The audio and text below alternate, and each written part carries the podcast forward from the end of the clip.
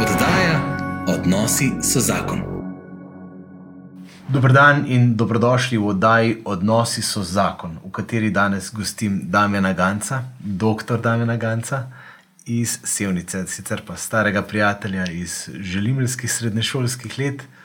Um, Damien je zakonski in družinski terapeut in danes bomo govorili o težki, zahtevni temi ločitve, o vzrokih za ločitve, o tem, kakšne so stiske, s katerimi pari pridejo k tebi na terapevtski pogovor, zakaj mnogi ne pridejo, pa bi lahko oziroma morali priti, in pa kakšne so možne rešitve, in pa tudi kakšni so izzivi starševstva, očetovstva po ločitvi, kar pa je naslov tudi knjige, ki si jo izdal pred časom.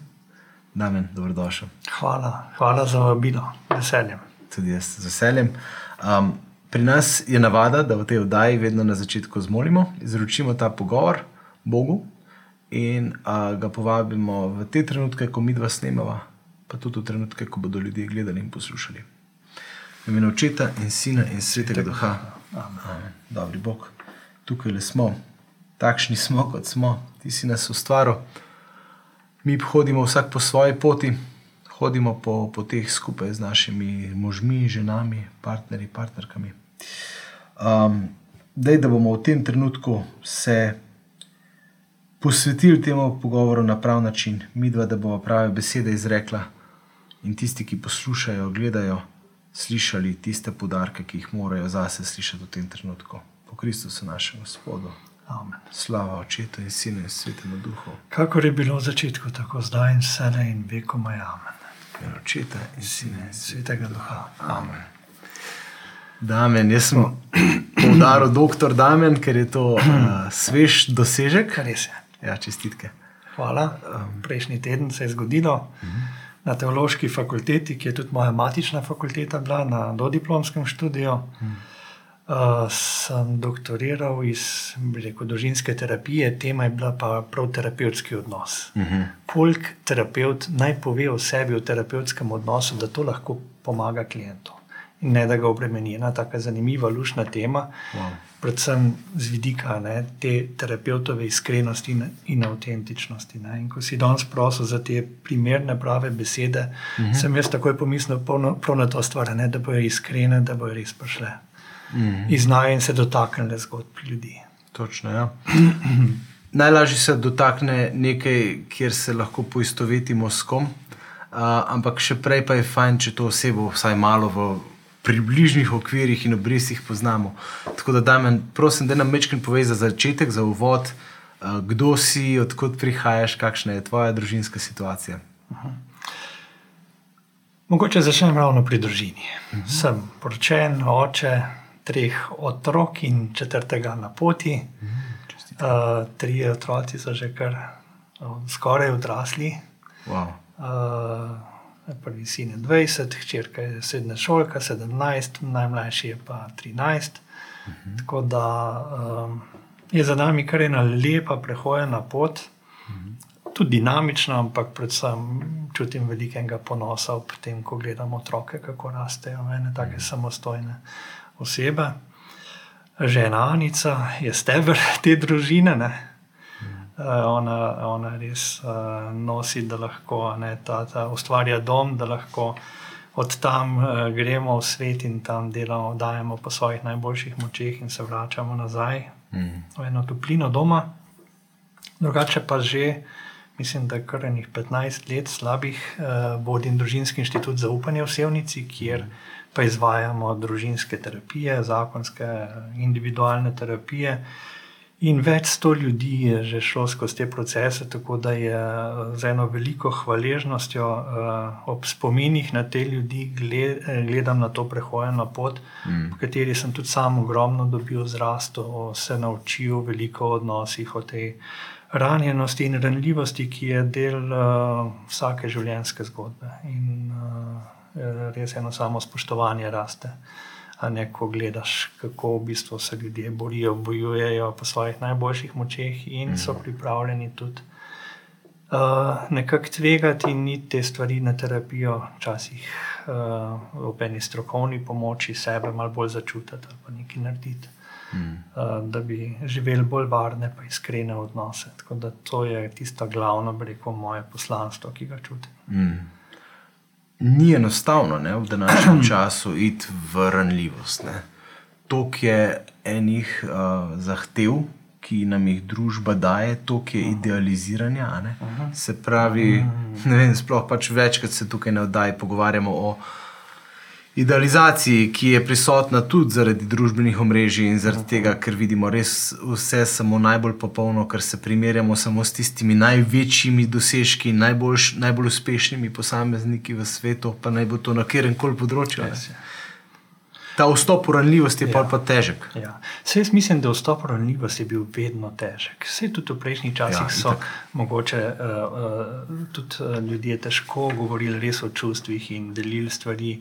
Uh, Danes je pa, se mi zdi, po eni strani več te sproščenosti, mm -hmm. vse več ljudi si upa. Mm -hmm. uh, nekako prihajati v stik s čustvi, govoriti o čustvih, uh, se povezovati ne, z enimi deljenji, meni iskrene svoje zgodbe. Ampak je pa res, kot praviš, ogromno je pa tega idealnega. Ne, uh -huh. uh, predstavljanja idealne podobe. Ne, jaz tukaj vedno znova čutim, da v zadnji je ena globoka rana in ranljivost, uh -huh. ki jo želimo na ta način vsaj malo umiriti in potešiti. V resnici se mi zdi, da je.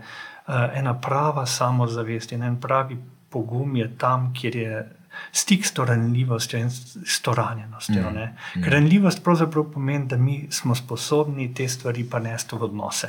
Mhm. Da nismo, da nismo zaščiteni z nekim Tako. Uh, ščitom, z neko ja, pač da si rekel, dovolimo biti ja. iskreni in povedati, ja. da smo pravzaprav vsi krvavi pod kožo, da imamo vsi neka svoje čustva, tudi vsi svoje izzive. Mhm. Uh, in da je ponavadi pot do enega, enega takega res umirjenega, sproščenega življenja, gre skozi veliko predelovanja en, enih stisk. In tudi ta tema, bomo, o kateri bomo mm. danes govorili, mm. je tudi en tak pač velik korak na teh poteh teh ljudi. Mm. K temu, da bi se nekako našli, umirili, da bi začeli živeti nevarne odnose.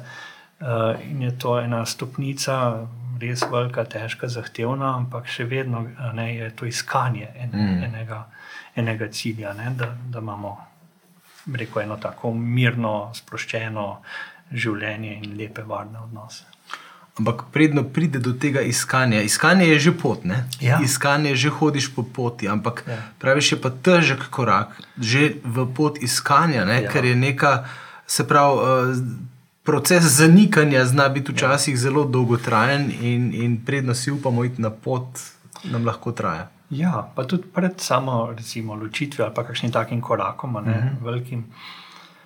Je velike ne, stiske in ne, ne, bolečine in enih občutkov, s katerimi se posameznik, družina srečuje, uh, zelo trpi, ponavadi je ogromno enega trpljenja. Ne, sej, mm. Ločitev je mogoče točka preloma, mm. ko ne vem, par posameznikov ugotovi, da preprosto ne gre več, ali pa da izgubi upanje, izgubi perspektivo, ne, da bi mm. lahko prišlo do te varnosti, pa iskrenosti, pa ranljivosti, ki jo vsak odnos potrebuje, če hoče biti živ. Mm. Čim pa ni tega stika, bližine in ranljivosti, a ne smo pa v enih obrambah in tam pa odnos. Uh, životari, žejni smo eh, bližine, ampak eh, hkrati ne najdemo poti v odnos. Ne? In tam ponavadi pride do tega. So pa to ene rane, ki jih nosimo s seboj. Ja. Jih nosimo iz svojih družin in ogromno enih stvari.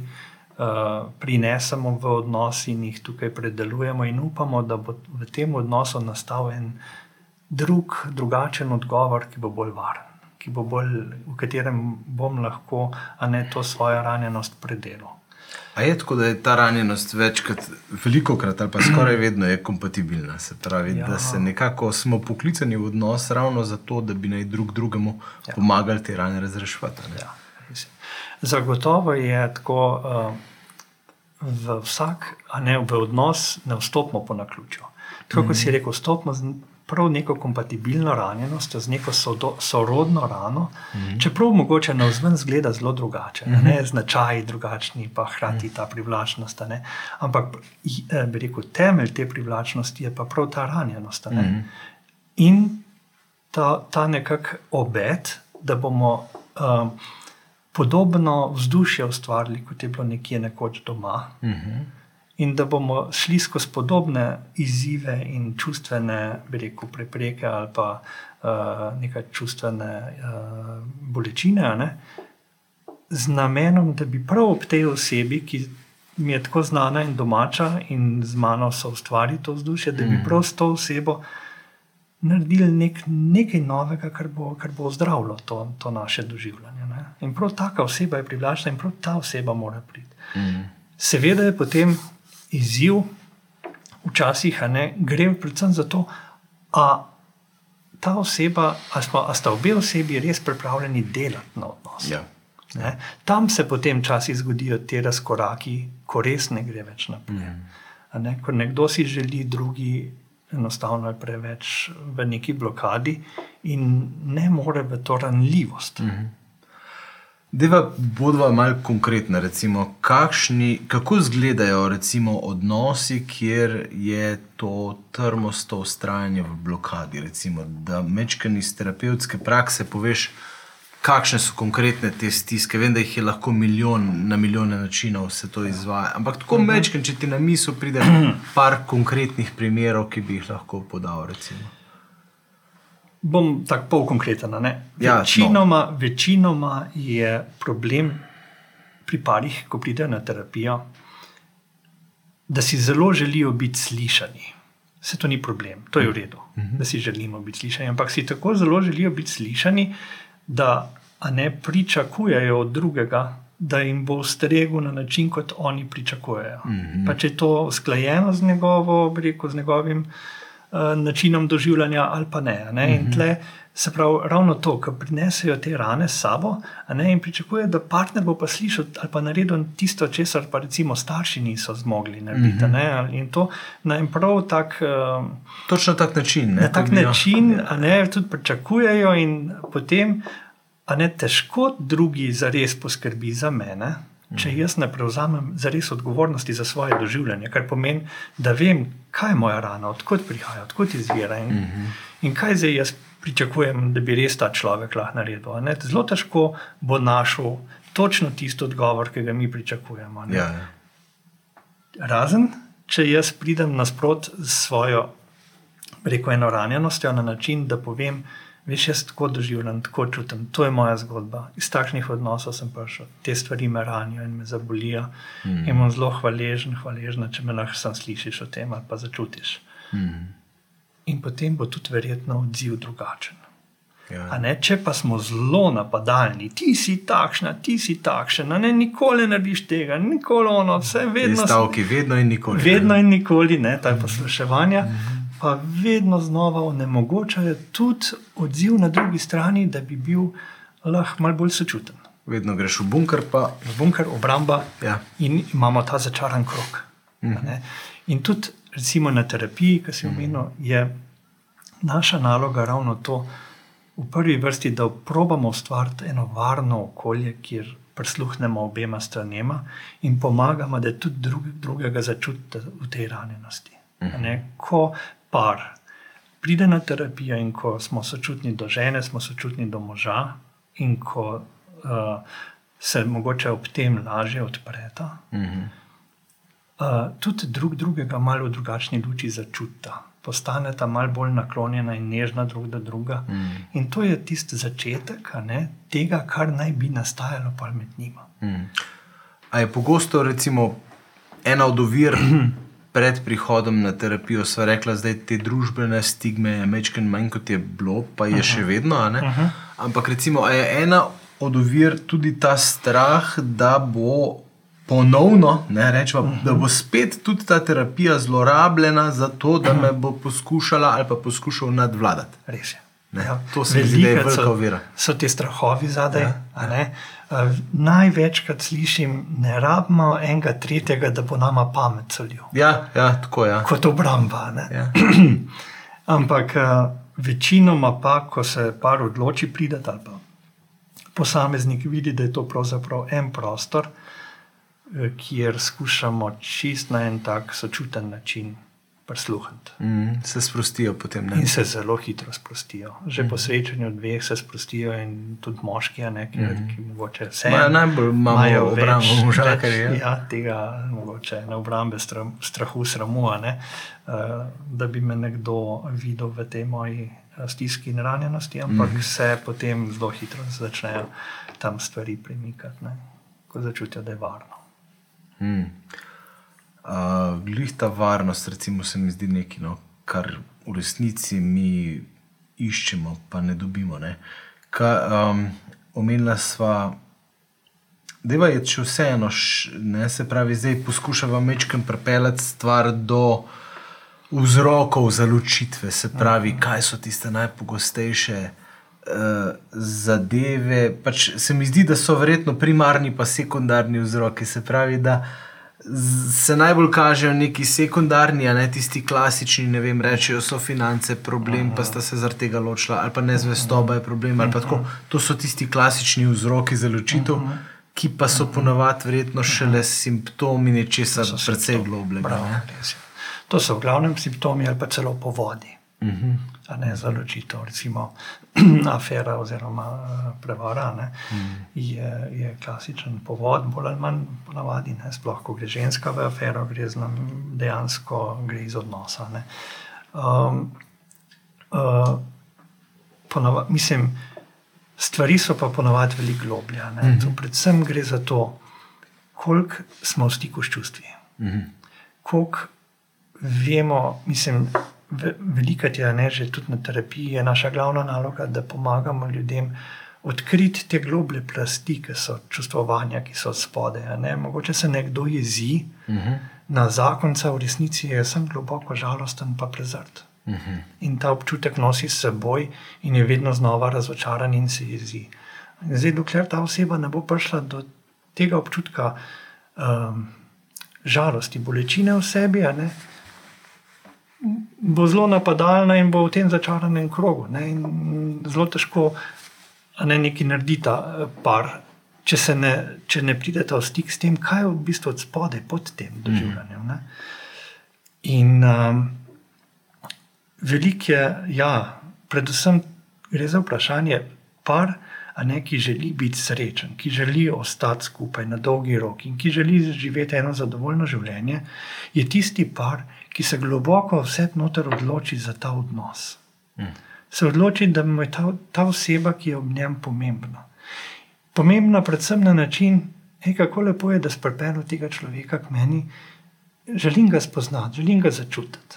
Ne spremenjati, ne toliko, ne pričakovati, kaj vse bo ta oseba naredila za mene, ampak kako bom jaz ob tej osebi na ta način, da bom in sta ob strani, pa da bo čutila mojo podporo. Mm. In če to naredita oba dva, bo, bo, bo je zmaga. Bo je zmaga. Mm -hmm. in...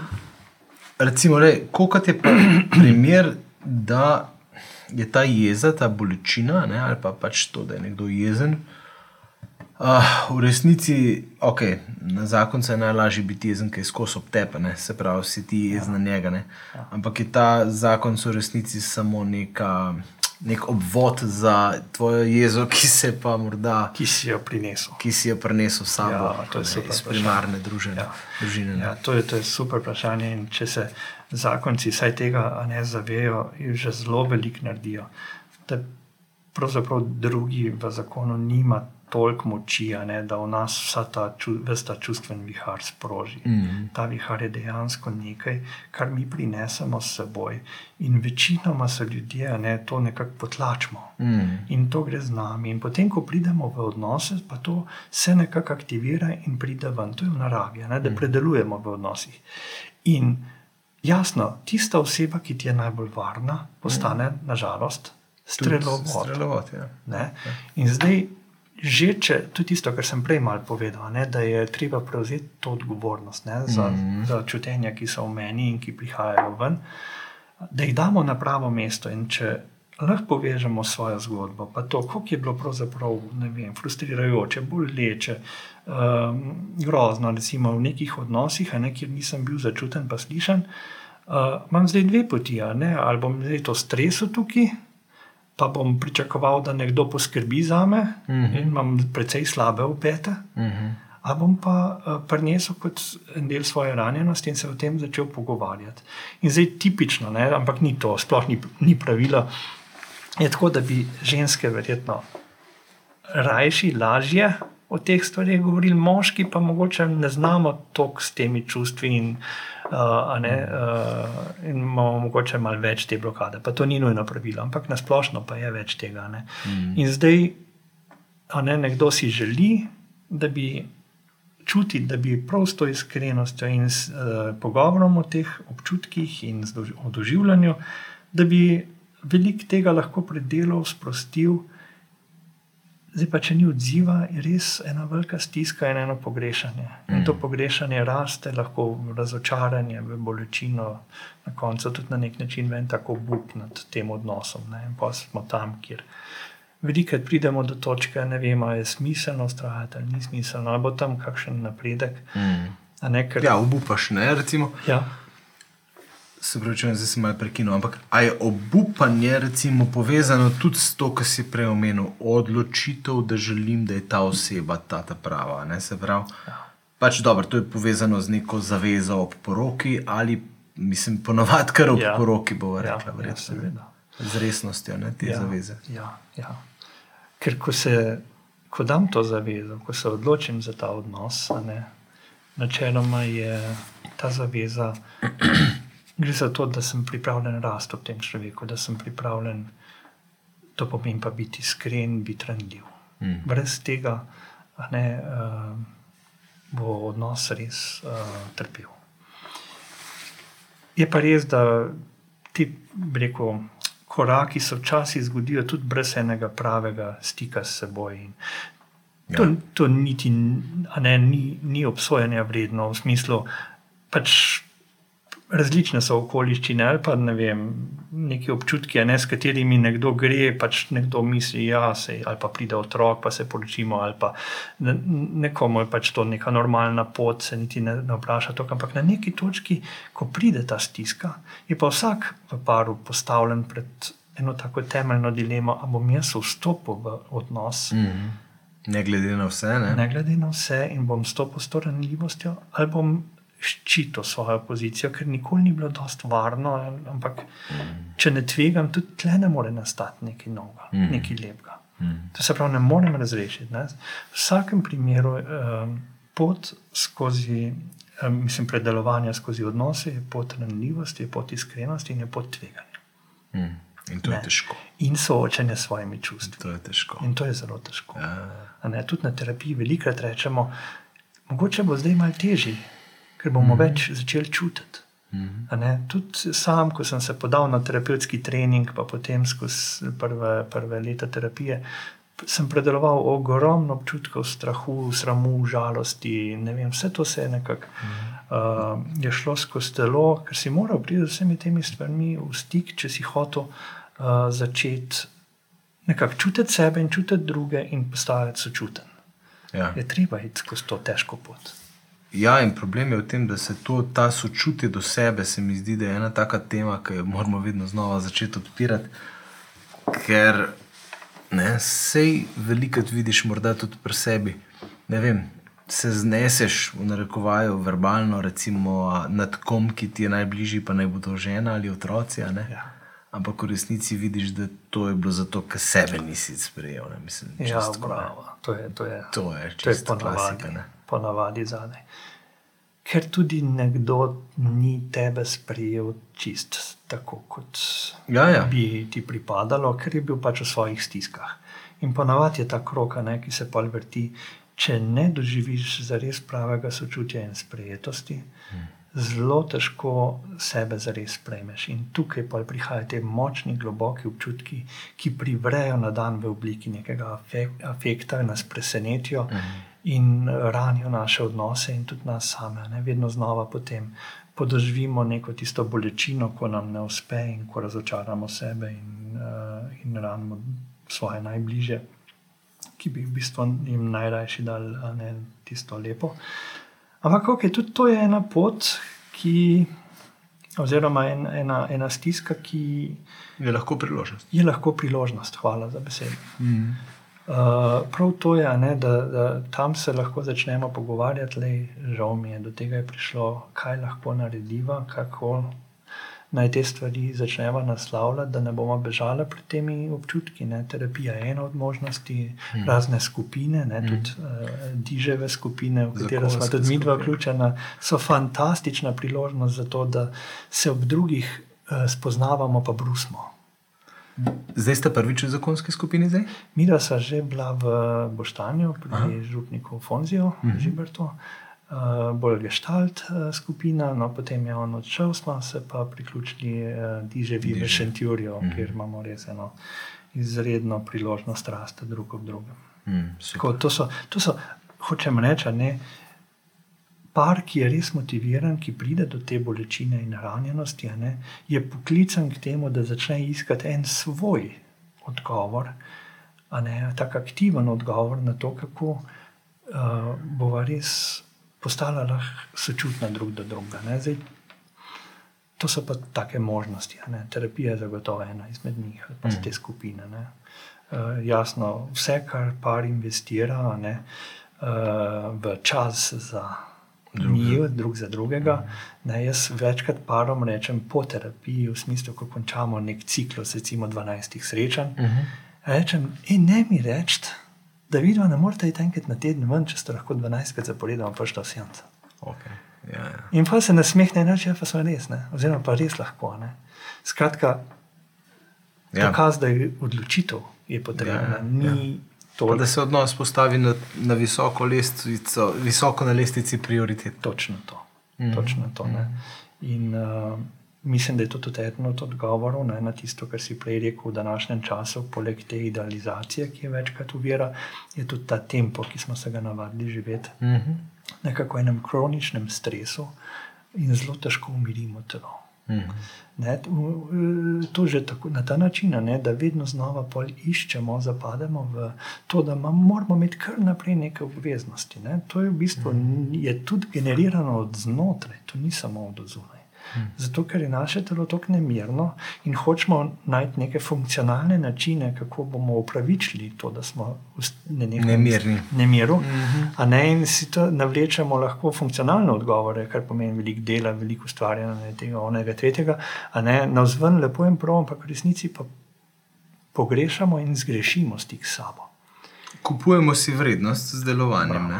Odlično. Ja, In ja. po dolgih letih, mogoče enega zorenja in trpljenja, na koncu se vprašamo, ali je to res tisto, kar hočemo. Ali, ali si Ja. želim malo bolj umirjenega življenja, pa postaviti, tako kot si prej rekel, prioritete na svoje mesto.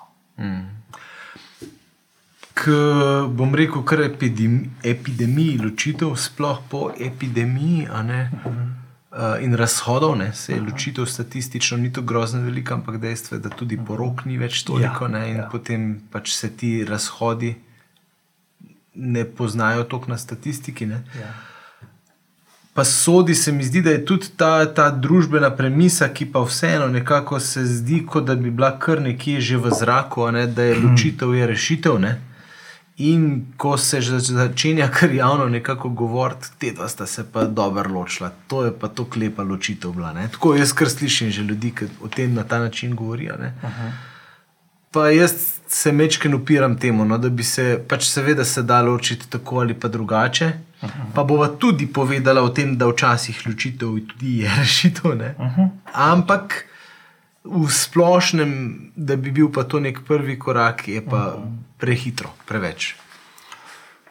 Ja, Ali kako? Zagotov je, zagotov je um, tako.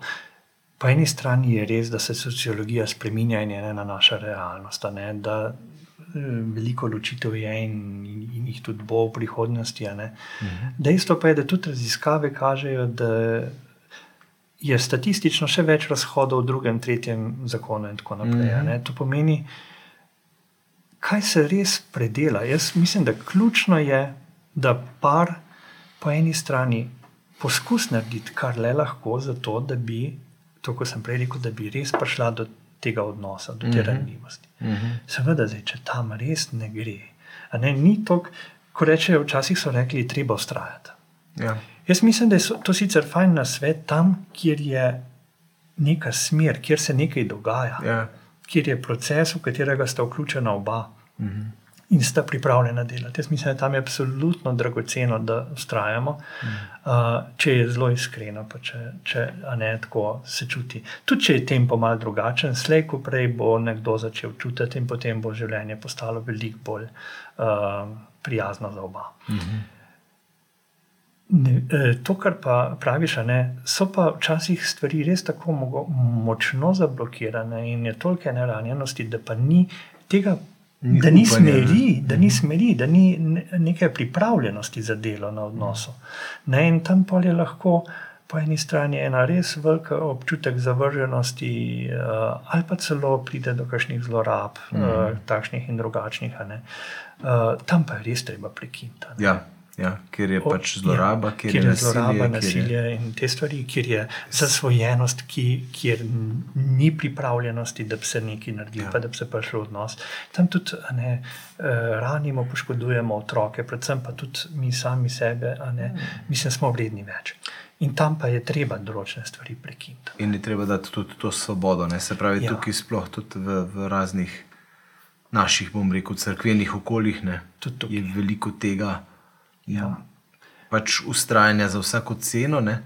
Ko pa vendarle vemo, da tudi crkva, ki sicer uradno ne pozna ločitve, pozna samo pač. Ničnost zakona. Ne? In je presenetljivo, kdaj vse se to odkrije, ne? da je bilo ni, zakon ničen. Ampak ne, ločitev od mize in postelje, tako se reče, ne? se pravi, se pa pozna. ne. Kadar, in, in mnogi ljudje pa tudi tega si ne dovolijo. Ne? In, in, in je kdaj tudi to potrebno. No? Ja, mogoče ravno zaradi te stigme, Ja. pričakovane okolice in tako naprej. No. Um, ja, jaz mislim, da moramo uh, predvsem na zgodbe teh ljudi gledati z velikega sočutja. Mhm. A Ne, ne na zadnje, naš Bog je sočuten Bog. Mm. Je Bog, ki se sicer razjezi, ampak se razjezi tam, kjer je zloraba, kjer je, Mhm. a ne, tam je odločna eh, meja in bi morala biti odločna meja. Medtem ko je drugače, pa je Bog sočutja. Če uh, ne smo mi, ki smo ljudje, lahko začutimo v sebi, če smo v stiku s seboj, velikega sočutja do zgodb teh ljudi, kaj šele Bog. Bog je stoji za vsakim njihovim korakom in, Mhm. in si želi, da bi ta človek našel pot. ne. Uh, in tle jaz mislim, da crkva je malo preveč, ne, mogoče tudi toga, čeprav verjamem, da se znotraj crkve stvari tudi premikajo in vse več tega sočutja je čutiti, a ne na več ravneh. Ampak jaz mislim predvsem na to, da um, mi moramo pomagati tem ljudem, ne, ki grejo skozi te stiske, da bojo čutili tako eno naše razumevanje, tudi eno zanimanje. Ne. Jaz mislim, da najbolj pomagamo tudi v vlogi prijateljev, svojcev. Uh, ne, najbolj pomagamo vsem, ki se s to stisko srečajo, če jih vprašamo, kako so, kaj doživljajo, s čim se kaj spoprijemajo, kaj čutijo. Tako da odpiramo prostor, mm -hmm. da oni lahko nam povejo svoje doživljanje. Ker to je tako močen stres, a veš, in tukaj ne stiske, in je zelo dragoceno, če je nekdo pripravljen mičkano odpreti ta prostor, da lahko začnemo o tem govoriti. Mhm. In In že da se čuti sprejetost, Da se ne? čuti sprejetost. Mm -hmm. In tam je, z, če, a ne, tudi v vlogi starša, ali kakorkoli, je boljše biti čim bolj uh, ne usmerjajoč, ne uh, biti pameten, Mhm. ampak res se zanimati. To je ključno, da se lahko človek začne ne, Odpirati sploh, ja. odpirati, da lahko sebe začuti, da lahko um, tako dobi tudi eno upanje ne, za, zase, a ne, sej, Ja. ne, je v redu tudi tako, a ne, sej ljudje me razumejo, me čutijo, me slišijo. Mhm. Uh, in je to ena zelo dragocena podpora lahko. Uh, ne, že sem to zanimanje, da lahko povejo. Ja, in tudi ta, recimo, da se potem, ko pride do drugega poskusa ali pa kakorkoli, ne, ustvarjanja nekega odnosa, ne, da, da se tam pa res tudi zavedamo, ne, da pač lej, delo je potrebno in je še toliko bolj pomembno, ne, Ja, ja, da se ja. ustrajno nekaj dela ne, na, na odnosu. Veliko je, te, veliko je tega strahu, kako bo naprej, ali bom našel, ali bom našla. Pol. Mhm. Um, to razočaranje je močno. In tle je res fajn, da ljudje poskrbijo za to, da najdejo nek prostor, Mhm. uh, uh, da predelajo izkušnjo ločitve, da vejo, zakaj so se ločili. Mhm. Kaj je tisto, kar bi želeli v drugem odnosu. Ker privlačnost, a ne, ko vstopamo v odnos, temelji na naši biologiji. Biologiji v smislu eh, našega stika s čutenji, našega doživljanja, čustvovanja, ki je globoko tudi lahko podzavestno. ne. In zdaj, bolj ko mi te stvari pri sebi res predelamo, pa pridemo v stik. Bolj pride človek, ki nam je potem, eh, potem rekel, v stiku s seboj podoben, v smislu, mm. ta proces, zdaj, če mi nekaj naredimo po ločitvi, čez neko terapijo, z neko skupino, z, ne, mm -hmm. v nekih varnih odnosih, res jo vrednotimo, kaj se je zgodilo in kaj, čemu sem jaz prispeval, ali pa zakaj mi je bila takšna oseba privlačna. A Ne, ta, ta odgovor je zelo pomemben, zato da vem, zakaj me je to privlačno, katero bolečino sem šel iskati v ta odnos. Ja, ja, ja. A Ne, ker če jaz pridem v stik s tem, pa zakaj sem šel to bolečino iskati, mi ne bo treba še enkrat iti po isto bolečino. Po isto bolečino in Ne? po In isto bo lahko rano, prišel ja, bolj ja. varen človek, bomo opazili drugačne ljudi okrog hmm. sebe.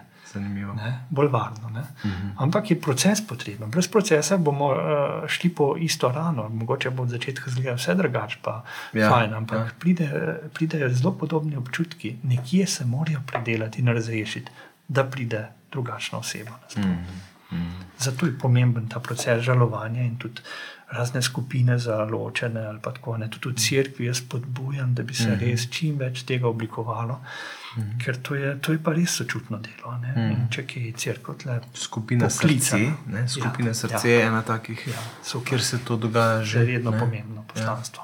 Res je. Ja. Um, no, pa naj povem, da tudi pri družini in življenju ne stigmatiziramo takih, ki so v ponovnem poizkusu in vabimo ne, tudi v, ali na seminarje ali v zakonske skupine. Ne, um, Damien, ti si napisal knjigo Izzivi uh -huh. očetovstva po ločitvi. Uh -huh. um, takole, pokažemo, kakšni so izzivi, morda najprej splošneje starševstva, pa ja. potem morda čisto specifično očetovstva po ločitvi. Sej, tukaj je res mogoče knjiga naslavlja očetovstvo, zato ker eh, smo želeli tudi očetom nekaj ponuditi. Uh -huh. Ampak v bistvu so izzivi podobni. Uh -huh. Vse so na obeh straneh podobni izzivi in podobne stiske. Najprej je en tak izziv čist poprijeti se s to izkušnjo. Zdaj, Malo je odvisno od kakšni vlogi smo, ko pride do ločitve, ali si bolj želimo ohraniti odnos, ali uh -huh. odhajamo. Zdaj, če si želimo ohraniti, je tam ogromno enega strahu, pa tiste želje, ne pa. Rekel je, žalosti ob poslavljanju, ko ugotovimo, da res ne gre. Uh -huh. uh, če smo v vlogi tistega, ki odhaja uh, zaradi različnih vzrokov, lahko čutimo tudi ene občutke krivde, sramu. a ne. In je treba, v vsakem primeru se je pa treba z enimi občutki že ob tem, ko pride do te odločitve, spoprijemati.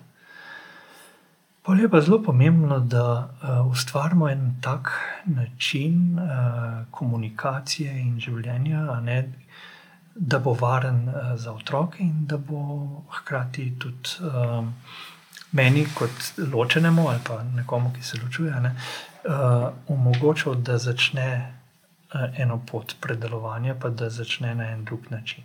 Kaj hočem s tem reči? Zelo važno je, kako se ta struktura vzpostavi, uh, kako starša začneta sodelovati. Ne, od začetka, prvi tedni, meseci, zelo, uh, rekel, določijo, kako potem stvari naprej potekajo. Zato se je dobro na to tudi tako malo pripraviti, ne, da gremo mm -hmm. na uh, en tak dost, um, rekel, uh, premišljen način. Mm -hmm.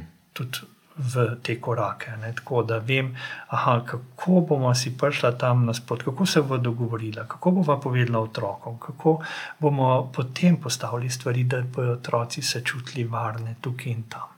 In ključni izziv, ki ga imata oba dva starša, je, da pomagata otroku, da ima fajn odnos z drugim. Ne To je- pa obratno. ne pa obratno. To je, to je ključni izziv. In ko so delali raziskave, kako je z otroki po odločitvi, so ugotovili nekaj, kar je lahko po eni strani boleče, po drugi strani pa vzbuja ogromno upanja.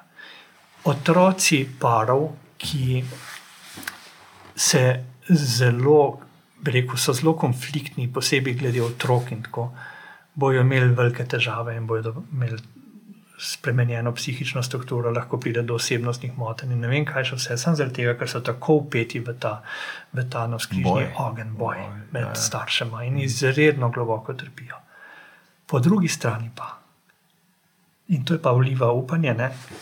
se pravi, starši, ki pa zmorejo razmejiti svoj partnerski odnos od starševskega in zmorejo sodelovati v starševstvu, čeprav jim v partnerstvu ni uspelo, in vidijo otroka v tem, čutijo otroka. In vejo, kako pomembno je, da ima dober odnos z drugim, pa na dolgi rok nimajo nobenih negativnih posledic ločitve, v smislu eh, nekega splošnega funkcioniranja življenjske sreče, uspeha v šoli, eh, odnosov in tako naprej. Se pravi, Nobenih. Okay. so dejansko rezultati zelo podobni splošno populacijo. Koliko je pa recimo tega v praksi? V praksi pa ja, nas Je realnost, mislim. ne prav veliko, ne. Mm -hmm. nažalost. Mm -hmm. So pa taki primeri. Mm -hmm. Um, nas na terapiji nekako po eni strani bolj dosežemo ljudi, ki imajo težave, ne? tudi tako s komunikacijo, ki mm. se srečujejo z veliko stisko, ker uh, ne morejo sodelovati in tam provamo pomagati, začutiti otroke, da tudi oni začnejo sodelovati čim bolj na tak način, ki bo otroke zavaroval. Mm. Um, je malo težko je dati res take, kakšne natančne ocene, ampak vem pa, poznam primere, kjer je to funkcioniralo, dalo kjer so zmogli. Mm. Kljub temu, da so zelo trpeli in da je bilo boleče, so zmogli čutiti otroke. Se tukaj gre v jedro Zato. za to. Mm -hmm. A je moja rana pregloboka, da bi čutil otroka? Tam si lahko obetamo težave za otroke. Mm -hmm. In tam bodo otroke zelo verjetno ranili, ne hote, ne. bojo padali občutki, bojo slišali besede, ki bojo jih ranili in bojo mm. težko ali povezani z drugim staršem. Mm. To so ene najtežjih oblik zlorab, mm. ko zato, ker je moja rana tako močna, otroku na, um, na bi rekel, zavesten ali pa nezaveden način ja. vzamem drugega starša, očeta pa mamo. Ne, in tam uh, ponavadi, tudi tako, ko prihajajo ljudje s svojimi zgodbami k meni, mi povejo, kako kasneje zamerijo temu staršu, da mu je to naredil. Hm. Ne, to pomeni, da delaš tudi v lastno škodo. Hm. In ključno je, da mi uh, zmoremo razmejiti, da otroci naši morajo imeti oba in imajo lahko oba radi. Mm. In je fajn, da imajo stik z mami ali pa z atjem, očem. Mm. Ne? In tle se mi zdi, da se naredi tista uh, ločnica med to skupino, ko smo rekli, da ni nekih drastičnih posledic in otroci se lahko dobro razvijajo, Mm. če jih uh, zavarujemo pred uh, temi našimi bolečinami in ranami, in pa skupino, ki ima pa res kar, kar težke posledice na več področjih. Verjetno je ta bistvena razlika res, ali so tekom tega procesa vendarle vstopili in to pa, pač oba, ne, Ja. vstopila v nek uh, res proces uh, Ja. čiščenja, Predelovanja. in Ja. tako. In v resnici Ja. sprejemanja svojega deleža, ne, odgovornosti. Ne. Super. Ja, Ja. ja. To je ključno. -hmm. In tukaj vedno je od- ta odgovornost ne na staršu, pa tudi na posamezniku, ne samo kot staršu, ampak otroci bodo imeli pa ogromno tega. Dejansko smo pa v ta isti proces poklicani tudi vsi, ki nismo na poti ločitve, ne, ki, ali pa še nismo, ali pa, ali Ja. pa ki čutimo, da imamo za predelovati, ne, ampak vendarle Ja, ja. a, ne razmišljamo o tej opciji, ampak a, odnos, ne, tukaj mi recimo odmeva od današnjega pogovora najbolj ta odnos je priložnost za razrešitev ran, za razrešitev stisk. In Ja. če te priložnosti ne želim, ali pa ne zmorem, ali pa ne bom izkoristil, potem se bo to odražalo tako ali pa drugače. ne. Res je. In bo veliko ene bolečine, trpljenja. Ne? Ja. Uh, Po drugi strani pa, ko enkrat pridemo k tej ranljivosti, ranjenosti in varnosti, in začnemo po eni strani se res povezovati s svojim zakoncem, Mm. v tem Se pa se pa res pridejo včasih lahko tudi eni, eni trenutki, ene, ene rekel, kar soze pridejo lahko, ne. Ko vidim, ej, kako je nevarnosti, je pa zdaj tle nastalo, mm. kako se lahko pogovarjamo o stvarih. Kako nam je lepo. Kako nam je lepo. Ja, ja, ja. Ne, To, in, to, to. tam, in tudi otroci, ne, ko, ko jaz lahko čutim svoje otroke, ko jim lahko dovolim, da imajo oni, oni svojo pot. To je, Mhm. jaz vidim pri naših najstnikih, je to en tak lep izziv za me kot starša. a Ne, da imajo eni eno svojo pot, odkrivajo ene svoje, tudi mogoče na trenutke vrednote, eh, korake. In moja naloga je, da sem tam ob njih, da jih čutim, da jih slišim, Mhm. uh, da se zanimam za njih. In uh, predvsem, da zaupam tudi, da bojo, če bojo oni poslušali sebe, in to je nekaj, se mi zdi v naravi naši, ne, da bodo izbirali tiste korake, ki bodo dobri Mhm. Ki bodo na koncu pripeljali prav do tega, da bodo živeli res skladno s seboj, da bodo živeli varne odnose, da bodo sočutni do ljudi okrog sebe in tudi, da bodo ustvarjali ene lepe družine, v katerih bodo se fajn počutili. Ne. In vse, kar jaz danes naredim, recimo, je naložba, je dota, ki jo otrok nese s sabo ne, in to je za vsakega starša, če ima to zavedanje. Ne. Uh, se mi zdi, da je. Uh, včasih res toliko ene želje imamo, ne, kak bi bilo, kaj bi bilo fajn za naše otroke.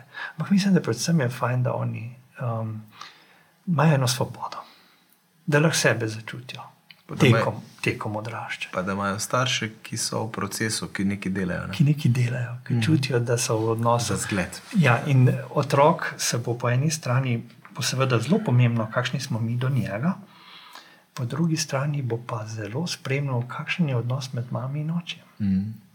In če bo tam čutil eno tako res uh, spoštovanje, nežnost, eno pripadnost, se bo to tako globoko zapisalo v njegovo telo, bo preprosto bo iskal to. Mm. Ne? Točno to. In si tega zelo želi. To da veliko varnosti otroku. Ja, pa to si v resnici tudi mi želimo, ne? na koncu koncev. Mislim, da je tukaj le fajn, ker prihajava k temu, v, v tem, da dejansko je upanje, ne? da se splača delati, um, da brez dela ni nič. Ja. Um, še vedno nekako se mi zdi, da vseeno imamo veli, pretežne dele populacije ali pa ljudi, ki mislijo, da bodo ti odnosi kar sami od sebe šli naprej, da bo tako, kot je bilo včasih, ko so zdržali, ko so potrpeli. Ja, ja, ti časi so mimo, pa v resnici hvala Bogu, ne, ker Ja, ja, to dejansko. Zakonsko življenje ali pa partnersko življenje ni namenjeno samo temu, da se potrpi, Točno to. Ampak je namenjeno temu, da dobivamo tisti predokus tistega lepega, ki k čemu želimo iti. ne. Mhm. To je odnos, je to je tako kot med, med Jezusom in Cerkvijo. Ne? To je odnos, varnostni odnos, odnos uh, ene, en- enega odreševanja notranjega, ne? v katerem postajamo če dalje bolj mirni, skladni sabo, sami s seboj, uh, sočutni do drugih in tam je res lepo živeti. Pa hkrati se zavedati, da smo vendarle samo ljudje, ne? Ja. da, da tudi Ja. Tistega ultimativne potešitve pa človek nikoli ne more dati. Sigurno je pač to stvar, ki je v domeni presežnega, v domeni Boga. Ne? Ja, ja, ja, ja res je. Je pa res, tako kot si rekel, ne, te načini ne, tudi uh, zelo pomagajo, uh, pomagajo razne uh, ali oblike terapije ali pa kakšne skupine, ravno zato, ker ti ponudijo eno strukturo, ker ti dajo eno ja. tako stalno spodbudo. Uh -huh. Uh, ne, da se srečuješ sam s seboj. Ne? In to je tako. ne. To je tako, kot iti na sprehod. Ne? Včasih je težko, mm. se ti ne da, ampak ko greš, si zadovoljen. Ja, ja, ja. E, To je In, klasično pričevanje vsakega, ki hodi na zakonsko skupino. Joj, še na zakonsko mora iti tole, pa se mi res ne da. Ja. pa potem greva. Ne? Pa, vidim, Pa smo vesela, ker so šla, ker je ja. bilo res vredno. ne. Ja, tako. Super. Damien, bi morda za zaključek še kakšno tako spodbudo dal našim parom ali pa komorkoli, ki posluša, ki gleda, kako res se smo že parkrat rekla, zdaj kam vstopiti, ampak tako. Kaj naj bo en tak uh, posloven, se hecam, en tak takeaway, se pravi nekaj, kar naj vzamemo s seboj uh, iz tele najne oddaje. Hmm. Je, ja, največ, največ smo govorili o tem, da je pomembno, da imamo pogum. Uh -huh. Pogum za to, da se odpiramo, da smo iskreni, da gremo k tej ranljivosti, da pridemo drug do drugega. Uh -huh. Z eno uh, iskreno držo, da povemo, kaj vse čutimo. In da vidimo, da je to nekaj zelo človeškega, da tudi drugi ne, to, ko mi sebe razkrivamo, tudi spodbudi razkrivanje pri drugem, v smislu, da se povežemo, pa začutimo drug drugega lažje. Mm.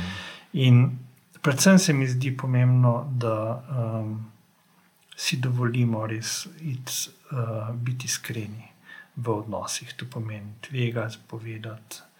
Uh, in to nas ponavadi tudi poveže. Mm. Ne, ker si pa želimo polnih odnosov, želimo si enega stika, želimo si ugotoviti, da je, je ranjenost nekaj, kar nas vse ne, tako ali drugače zadeva. In nam to pomaga, da lažje, lažje gremo skupaj naprej. Mm. Zdaj, najtežje je človeku, tudi v tem primeru, biti sam. Mm. Tukaj pa mislim, da moramo prevzeti odgovornost za to, da, uh, da ne čakamo, da, da bo kdo prišel do nas, ampak da mi stopimo, naredimo prvi korak. Mm. Ne, in, uh, vedno, ko neki dan pride, tudi nazaj. Mm. To, to je skoraj ne more zgrešiti. Ne. Točno. Ja. Hvala, Damien. Hvala. Eno, hvala, da odpiramo te teme. Z veseljem. Z veseljem. Um, naročite se na YouTube kanal Družine in življenje, bom rekel za konec. Uh, pridite na kakšen seminar, pridite na, v zakonsko skupino. Če tako čutite, pa verjamem, da marsikdo tako čuti in da je to smiselno in potrebno, poiščite terapeuta. Um, delajmo na odnosih, ker graditi odnose, za katere je vredno živeti, je tisto, za kar smo na svetu. Odnosi prinašajo največje donose. In uh, res uh, hvala, ker ste bili z nami, pa se vidimo spet prihodnjič. thank you